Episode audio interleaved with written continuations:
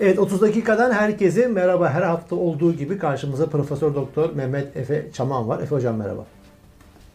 Selamlar Erkan Bey. Evet her hafta bir konuyu e, mercek altına alıyoruz, tartışıyoruz, konuşuyoruz. E, bugün şunu konuşalım. E, şimdi Erdoğan'ın Kılıçdaroğlu'na verdiği bir cevap var. Bu cevap şununla alakalıydı. Geçen hafta biliyorsunuz e, Kılıçdaroğlu TÜİK'e gitmiş. Hatta gidememiş. Kapısında konuşmak zorunda kalmıştı. TÜİK onu almamıştı demir parmaklıklarından içeriye. Aslında demir parmaklıklarında olan Erdoğan'ın kendisiydi diyenler de var. O şekilde yorumlandı ama neticede ana muhalefet partisi lideri meclise girebildi ama TÜİK'e giremedi. Ee, bunun üzerine bu geçen haftanın bir konusuydu tamam ama Erdoğan bu haftaya yeni bir şey ekledi. Bunu konuşalım. Yeni neyi ekledi? Dedi ki ekranlara çıktı şunları söyledi. TÜİK rande, Kılıçdaroğlu'na diyor Erdoğan. TÜİK randevu vermiyor. Bu da küplere biniyor. Devletin kurumlarının sana veya avanene hesap verme sorumluluğu yoktur. Bunlar hesabı sadece sorumlusu, sorumlusu olduğu birinci derecede Cumhurbaşkanı'na verirler. Ben istediğim zaman bilgiyi alırım. Ne demek bu siyaset bilimci ve bu işin profesörü ve uzman olarak bu ne anlama geliyor? Estağfurullah. Bunun şununla alakası var Erkan Bey. E, artık Türkiye Cumhuriyeti Anayasası'nın yürürlükte olmadığı yani de facto fiilen Türkiye Cumhuriyeti'nin anayasasız bir şekilde idare edildiği e, bizzat bu rejimin birinci e, karar alıcısı olan Recep Tayyip Erdoğan tarafından itiraf edilmiş durumda. Yani ben Türkiye'yi anayasasız olarak yönetiyorum. Türkiye'de artık anayasa yok. Keyfi bir idare var. Yasalara, yönetmeliklere tabi değiliz. Hesap ver, vermeyiz. Gücümüz sınırlı değil. Bunun yani mesajını veriyor. Erdoğan. Vatandaş şunu soruyor. Şimdi Erdoğan diyor ki ya Kadim sadece bu kurumlar bana bağlı. Dolayısıyla ben onlara soru sorarım, cevabını ben alırım. Şimdi ama bir ana muhalefet partisi veya diğer muhalefet partileri devletin herhangi bir kurumdan işin aslı ne, ne oluyor, bilgi istiyorum dediğimi alamaz mı? Yani hesap sorma boyutu ayrı. Bilgi alamaz mı? Bu onların anayasal hakkı değil mi? Meclis demek, ana muhalefet partisi, muhalefet partisi demek toplum ve denetleme yetkisi demek. Çok haklısınız. Yani burada şunun altını çizmek lazım e, muhalefetin e, en önemli görevi iktidarı gözlemlemek, iktidarın yaptığı şeyleri analiz etmek, tahlil etmek e, ve yapılan yanlışları e, ortaya koymak, halkla bunu paylaşmak. Yani muhalefet devletten, devlet kurumlarından bilgi almadan muhalefet görevini zaten icra edemez. Ha, zaten yani muhalefet muhalefet edecek. Tabii. tabii ki. Yani şimdi e, Türkiye'nin e, TÜİK denilen kurumu devletin istatistik hesaplarını yapan yani birçok işte ekonomiyle alakalı veya diğer işte ticaretle falan alakalı istatistikleri kaydı tutan bir kurum. Bu böyle devlet sırrı falan değil. Yani hani diyelim ki e, muhalefete hangi konularda bilgi verilmeyebilir? İşte Türkiye'nin yapacağı çok önemli bir askeri operasyon vardır mesela.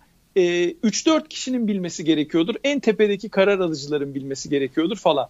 Bunun böyle bir durumla alakası yok. Yani Türkiye'nin enflasyon verilerini, işte dövizdeki iniş çıkışın sebeplerini vesaire istatistiksel bilgilerle göz önüne almak istiyor Ama muhalefet. bu çok önem Ve, arz ediyor günümüz Türkiye'sinde. Bu bilgi şimdi TÜİK %20'lerde evet. diyor. Enflasyon dediğiniz ya enflasyon miktarını açıklıyor resmi. Şimdi işte bugün hala asgari ücret görüşmeleri devam ediyor. Şimdi asgari ücretin belirlenmesi TÜİK'in verilerini baz alırsan ona göre konuşulacak ve işçiye ona göre zam konusu, konusu gündeme gelecek. Yani aslında milyonları ilgilendiren hayati bir kurum TÜİK. Yani aslında çok böyle hani roket bilimi de yapan bir kurum değil. Şöyle söyleyelim şimdi enflasyon sepeti denilen bir kavram var biliyorsunuz. Enflasyon sepetinde TÜİK belirli e, unsurları, belirli işte tüketim mallarını seçiyor. Bu enflasyon sepetine yerleştiriyor. Şimdi siz Türkiye'deki enflasyon sepetine ekmeği, işte sütü, benzini, doğalgazı falan koyarsanız gerçek enflasyon olur. Eğer işte pırlantayı, ne bileyim işte e, tungsten madenini Yok işte bilmiyorum yani böyle zam gelmemiş olan 3-4 tane ürünü seçip seçmece onları koyarsanız oranı yapay olarak düşürebilirsiniz. Şimdi şu, muhalefet partisi bence uyandı. Yani bütün muhalefet partileri artık uyanmaya başladılar. Daha sıkı muhalefet yapma kararı almışlar. Bu belli. Yani aslında TÜİK'e giderken daha önceden telefon edip randevu almak istemişler. E, TÜİK'teki işte kimse o en tepedeki yöneticisi muhale- e, randevu alamamışlar. Bunun üzerine gidip yerinde tespit ediyorlar. Yani kapıların kendilerine açılmadığını halka gösteriyorlar. Hı hı. Ve Erdoğan'ı o ikinci açıklamayı yapmak mecburiyetinde bırakıyorlar. Yani ne diyor Erdoğan? Kardeşim biz size hesap falan vermek zorunda değiliz diyor. Aslında Erdoğan kardeşim sen... demiyor. Ben ben diktatörüm kardeşim. Hani bir ara Demirel'in şivesiyle va mı biteceğin derdi rahmetli. va mı biteceğin. Ya ben diktatörüm kardeşim. Diktatörüm ben evet. anayasa dinlemem. Muhalefetin hakları varmış. Hiç kale almam. Yani bu budur kardeşim. Va mı biteceğin tavrı değil mi bu? Tamamen öyle bir tavır. Kendine güveniyor. Arkasındaki güç paydaşlar, paydaşlarına belli ki güveniyor. Ve e, yani bu kolay bir şey değil. CHP gibi ana muhalefet partisi olan bir partinin e, TÜİK gibi aslında yani böyle Türkiye'nin de e, idari teşkilatlanmasında çok üst seviyelerde olmayan bir kurumun kampüsüne girememesi bile. büyük bir skandal. Büyük skandal. Bile şimdi, yani. Evet. Şimdi burada karşımıza çıkan Erdoğan'ın bu cevabında bu hafta karşımıza çıkan bir hesap vermezlik nobranlığı. Hesap evet, ver, önemli vermem nokta ben. bu zaten. Heh, hesap ben vermem diyor. Şimdi mecliste milletvekilleri, muhalefet partileri, vekilleri Cumhurbaşkanlığı alakalı soru önergesi veremiyor muhatap kabul etmiyor Cumhurbaşkanı. Bunu diyor ki benim Cumhurbaşkanı yardımcım olana anca diyor sonu önergesi verebilirsiniz diyor. Onları muhatap almıyor. Cumhurbaşkanı yardımcısı da o Fuat Oktay isminde şahıs dilerse işine gelirse cevap veriyor. E şimdi ne anladık? Şimdi bu kurumlar ba- bana bilgi verir. Tamam biz sana so- bana da soramazsın diyor meclis olarak. Bana da soramazsın. E yardımcıma soracaksın. Peki yardımcına sorayım. O da dilerse cevap veriyor. Burada iş tıkanıyor.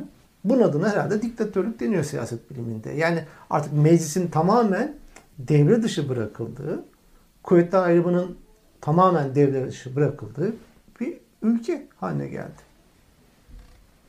Şimdi siyaset bilimi bu tarz rejim analizleri yaparken iki noktada rejim analizi yapar. Bir fiili olan durumu analiz eder, bir de hukuki olan durumu analiz eder. Türkiye'de fiili durumla hukuki durum arasında çok ciddi anlamda bir uçurum var. Yani zaten e, hukuki durum da çok e, içler acısı. Yani Türk tipi baştan, e, başkanlık e, sisteminden bahsediyoruz. Yani e, sistemin denge ve kontrol mekanizmaları zaten çok yerinde değil. Meclisin denetim yetkisi zaten çok çok cüzi miktarlara çekildi yani yeni sisteme geçildikten sonra. Fakat bu cüzi alanda bile artık bir denetleme yapılamıyor. Yani şunu söylemekte e, bir beis olacağı kanaatinde değilim ve birçok insanın da bence kabul edeceğini düşünüyorum e, bunu söylediğimde. Türkiye'de Türkiye Büyük Millet Meclisi tarihinde olmadığı kadar geniş ölçüde bypass edilmiş durumda. Yani diğer bir ifadeyle daha net olarak e, herkesin anlayacağı dille söyleyelim. Türkiye Cumhuriyeti'ndeki Türkiye Büyük Millet Meclisi yani parlamento görevlerini yerine getiremiyor denetleme görevi yapamıyor. Aslında bir süs figür, vitrin olarak sadece meydanda. Yani ben hep bunu söylüyorum. Zaten hani diyorlar ya iktidarı değiştireceğiz. İktidar diye bir şey yok. Başkanlık seçimi bu. Yani baş, karşımızda bir e, diktatör bozuntusu var. Bu diktatör diktatör bozuntusu sistemi bypass etmiş. Yetkileri elinde toplamış. Bunu hem hukuki olarak hem de defakto olarak zaten yapmış. Ve bakın sizi TÜİK'ten içeri sokmuyor. Yani bu bundan daha önemli bir uyan mesajı olamaz muhalefete yönelik olarak. Ben o kanaatteyim. Evet. Ee, ve burada asıl üzerinde durmamız gereken noktanın gücü sınırlanmamış iktidarla artık mücadele ediyor olma gerçeğimiz olduğu kanaatindeyim. Yani, yani bunun tanımayan, insanlar tarafından tanımayan. kural tanımayan yani gücü sınırlandırılmamış ne demek? Ancak monarklarda olabilecek, krallarda, sultanlıklarda olabilecek bir yetkinin e, Erdoğan tarafından halktan gasp edilmiş olması söz konusu. Fakat evet. yani insanları şu, şu anlamda anlayamıyorum. E, tıpış tıpış geri döndüler. Yani o TÜİK'in kapısında o olaydan sonra basın açıklaması yaptılar. Makam araçlarına bindiler. Ya, ya arkadaş siz niye geri dönüyorsunuz ki orada? Alın yani bütün toplayın bütün vekillerinizi, bütün teşkilatınızı, bütün seçmen kitlenizi gitmiyoruz TÜİK'in önünden deyin. Yani ben onu anlamıyorum. Yani pasif direniş yapabilecek, e, iktidara kafa tutabilecek bir ortam oluşmuş orada. Ve belli ki anayasal hakkınız çiğneniyor. Muhalefet olarak söylüyorum. Yani muhalefete yönelik söylüyorum. Ya Kılıçdaroğlu neden gidiyor ki o TÜİK'in önünden? Ben olsam protesto ederim. Beklerim orada 24 saat beklerim gerekirse. Getirin hı hı. portatif çadırlarınızı kurun. Ben TÜİK'ten içeri gireceğim ve bu istatistikleri bana göstereceksiniz. Nasıl hesapladınız bunları? Hesabını evet. sormadan gitmiyorum. Bunu demesi lazım. Yani. Şimdi burada hesap sormazlık, sorulamazlık, hesap vermezlik, vermemezlik meselesi number one. Cumhurbaşkanından baş, aşağı doğru iniyor. Daha işte yayına girerken bir bakayım dedim gündemde neler var neler yok. Eski Ticaret Bakanı vardı Ruslar Pekcan. Görevinden evet. alınmıştı. Artık ayyuka çıktıydı olay. Ee, kendi aile şirketinin, kendi kocasıyla beraber işte şirketinden pahalı fiyata kendi bakanlığına dezenfektan satmış. Evet. Görevi kötüye kullanma var. Her türlü hırsız, her ne derseniz de, yani böyle bir şey çıktı o yüz kızartıcı bir durum ortaya çıkmıştı. ne oldu diye merak bir baktım savcılık bu haklarında şikayet vardı bu konuyla ilgili. Savcılık bu şikayeti işleme konulmaması kararını verdi. Hesap sorulamaz. Her türlü hırsızlığı yaparım.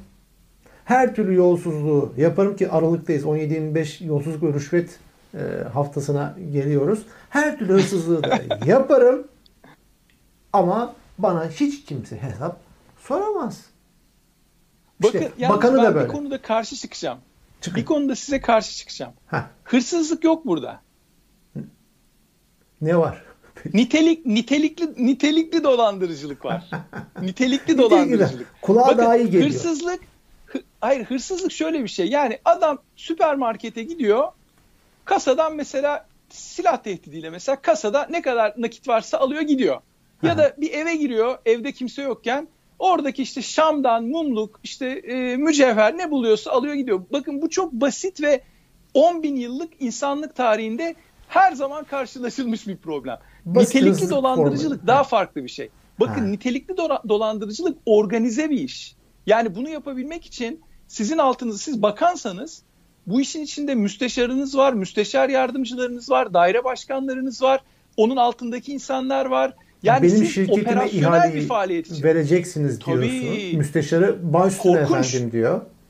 Ya payını Tabii alıyor yani, veya kariyer hesabı yapıyor sesini çıkarmıyor ama organize iş. Hayır bilerek tokatlıyorlar. Ve bakın bunu organize bir şekilde yapıyorlar. Şimdi ben enteresan bir şey söyleyeyim size. Yani bir nitelikli dolandırıcılık söz konusu. Bakın şöyle bir örnek vereyim. Benim çocukluğumda dedem devlet memuruydu. Ben dönem ödevlerimiz falan olurdu böyle biliyorsunuz ilkokulda, ortaokulda. Dönem ödevlerini hazırlayıp onları da böyle zımbalamak gerekirdi. Evimizde de zımba yok. Ya dede al bunu götür işte e, ofisinde zımbalayıp getirirsin. Ya bak oğlum şimdiden ben size söyleyeyim. Ben devletin malını sizin özel işiniz için kullanamam. Gidin fotokopicide ne, ne işiniz varsa onu görün derdi. Yani bakın nereden nereye gelindi. Nitelikli dolandırıcılık yapılıyor. İhaleye fesat karıştırılmış ve ihaleye fesatı kim karıştırıyor? O bakanlığın en tepesindeki icraî sorumluluğu olan bakan hanımefendi e, bunu yapıyor. E şimdi bakan bunu yaparsa alt kademelerdeki yolsuzlukları siz bir de düşünün şimdi. Bu yani ve en tepedeki yapılan yolsuzluk. Ve organize işler Milyon derken dolarlık. sadece bakanlık ve siyaset mekanizması değil. Şimdi savcı da bunu işleme sokmuyorsa o organize işlerin içerisinde savcı da var. Değil mi? Hayır Bu savcı bir... zaten sarayın ayakçısı. Yani savcınınki çok daha kötü bir durum. Yani mahkeme çünkü şöyle yürütme bakan yürütmenin or, yürütme organında. Hocam, yürütme yürütme demeyin yargı. ya. Başka bir isim bulalım biz ona ya. Türkiye için başka bir isim bulalım. tamam. Yürütme yürütme. Executive. Cuk oturma derler ya. power. Evet. Executive power. Yürütme gücü. Fakat bir de yargı gücü var. Yargı gücünün mensubu olan e, e, savcı veya hakim yukarıdan yürütmenin en başında olan Erdoğan'dan yani saray yönetiminden emir alıyor. Yani onunki daha da kötü. Nitelikli dolandırıcılıkla beraber hareket eden teslim olmuş ve siyasetin köpeği haline gelmiş bir e, adalet teşkilatı var. Evet. Şimdi bu yürütme yani, derken e, korkunç. Evet. Şimdi Erdoğan'ın açıklaması vardı gene dün evet gün kendi çocuklarını şatafat içinde yaşatırken bu şehrin bu ülkenin evlatlarına ölümü öldürmeyi reva görenleri asla meydan asla bırakmayacağız. Şimdi kendi çocuklarına şataf içerisinde yaşatırken falan deyip muhalefete laf çakıyor. Ya hepimiz görmedik mi? Bu AKP'li çocukların, bakan çocuklarının, bakan tosunlarının ne kadar becerikli, ne, becerikli, maharetli olduklarını belgeleriyle, delilleriyle 17-25'te bütün her şeyleriyle ortaya çıkmadı mı? Kendi ya işte yüzüğümden başka hiçbir şeyim yok diyen diyerek siyasete giren, bir gün zengin olduğumu görürseniz bilin ki hırsızlık yapmışım diyen, o dönemden itiraf eden bir kişinin şimdi bakıyorsunuz Bilal Erdoğan'ından işte Burak Erdoğan'a kadar milyar dolarlık gemi filoları var. Birdenbire bunlar yürü ya kulum veriyorlar. İşte Binali Yıldırım'ın oğlu işte peynir ticareti yapıyor tırnak içerisinde. İşte o da almış başını gidiyor büyük rakamlarla. İşte babası bile ya işte İET'de de görevliydi bu adam. Daha sonra siyasette şuydu buydu şimdi o da milyar dolarlarla oynuyor. Ya bu nasıl işte arkasından da milletin çocukları işte başkaları şatafat içinde yaşarken diye laf sokuyor. Şimdi burada bir alay hali var Efe Hocam. Onu görüyorum. Yani biraz dalga geçme hali de var. Şimdi burada e, AKP'li Tosun, Resul Tosun, gazetecilikten siyasete geçenlerden bir tanesi. Evet partinin Tosun'u. Diyor ki açıklamasında televizyona çıktı. Ya önce bir ekrana ben getireyim de arkasından onu ne dedi tamam. ondan sonra konuşalım. Bence de bence de evet. evet. Almanya son 25 yılın en büyük enflasyonunu, en yüksek enflasyonunu yaşıyor. Yüzde ikiden yüzde beşe çıkmış. Yani yüzde yüz ellilik bir enflasyon var. Şu anda dünyanın yaşadığı bu kriz yahut da içinde geçtiği süreçteki bu hayat pahalılığı vesaire sadece Türkiye'ye mahsus bir şey değil. Evet, Resul Tosun bunu iddia ediyor. Almanya gerçekten çok perişan bir vaziyette. Son 25 yılın en yüksek enflasyonunu yaşamış. %2'den %5'e çıkmış. Ama arkasından da bir matematiksel hesap yapmış. Enflasyon %150'lik bir enflasyon var Almanya'da. Niye üzerimize geliyorsunuz ki? diye tosunluk yapıyor. Ya aptal diyor beni dinleyenler. Ya da ben aşırı kurnazım. Ne desem millet yiyor diyor yani. Alay ediyor. Dalgasını geçiyor. Bir de bu var. Yani ben bunu zaten anlamakta, idrak etmekte zorlanıyorum. İnsanlar gözlerinin içine baka baka böyle üç kağıt yapan, katekulli yapan, lafı çeviren, manipülasyon yapan adamların e, neden e, ağzına lafı tıkayamıyorlar? Yani e, hala bu insanlara oy veren bir yüzde otuzluk, yüzde otuz beşlik kesim olduğunu düşünebiliyor musunuz yani Erkan Bey? Yeah. Yani insanlar ekmek alamıyor, ekmek kuyrukları var.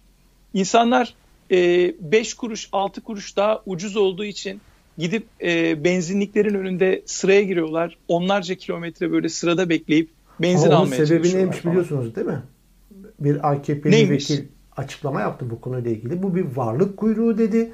Eğer ki araçlar bu kadar çok olmasa, insanlar araba almasa ve benzin alacak paraları olmasa o benzin istasyonlarında ne iş var bu kuyruğun dedi. Bak olaya nereden bakıyor adam. Ya bunlar, ya bunlar laf hevesi. Laf hevesi. Bizim yani bunu bizim Türkiye'de kültürel olarak bize ne, ne derler buna? Laf ebeliği derler buna. En kibarı. Laf ebeliği yapıyor yani. Tabii laf ebesi bunlar yani.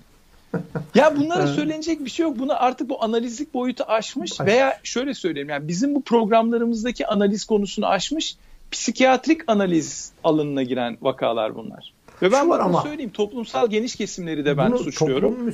Bu AKP'ye hala oy veren, hala bu AKP'ye oy veren, hala bu Erdoğan'ı destekleyen bir kitle var ya bu yüzde otuzluk yüzde otuz beşlik. Gerçekten psikolojik vaka. Yani Şimdi bu, her... bu noktada hala destekliyorlarsa ya siz destekliyorsunuz ama neyi destekliyorsunuz? Yani yoksulluğu, fakirliği, sömürüyü bunları destekliyorsunuz. Çoluğunuz çocuğunuz aç Adam gözünüzün içine baka baka alay ediyor sizinle. Ve o siz ekmek hala kuyrukları da biliyorsunuz adamları- göstermek amaçlı rol görevi yapıyorlarmış. Yine bir AKP'li bu şekilde açıklama yaptı. Mahsus öyle muhalefet onu organize ediyormuş. Ekmek, öyle halk ekmek kuyruklarında kı- kış kıyamet kar yağarken vatandaş e, ucuz ekmek Benim daha iyi bir için tavsiyem var ya. Ekmek bulamıyorlarsa pasta yesinler desinler bence bundan sonra. o noktaya gelsin Halka. değil mi? Ve Ekmek Ama- bulamıyorsanız pasta yiyin arkadaş. evet. Öyle. Bunu diyecek. Yani en son bunu da diyecek. Bakın şunu söyleyeyim. Bu kadar tepkisiz olan bir halk bundan daha iyi bir yönetimi hak etmez. Tabii. Bugüne kadar ne verdiyse yersen daha aptalca şeyleri de senin önüne koyarlar. Yemeni beklerler. Yemin. Ve bugün Hayır bak, bunlar da iyi iyi günler.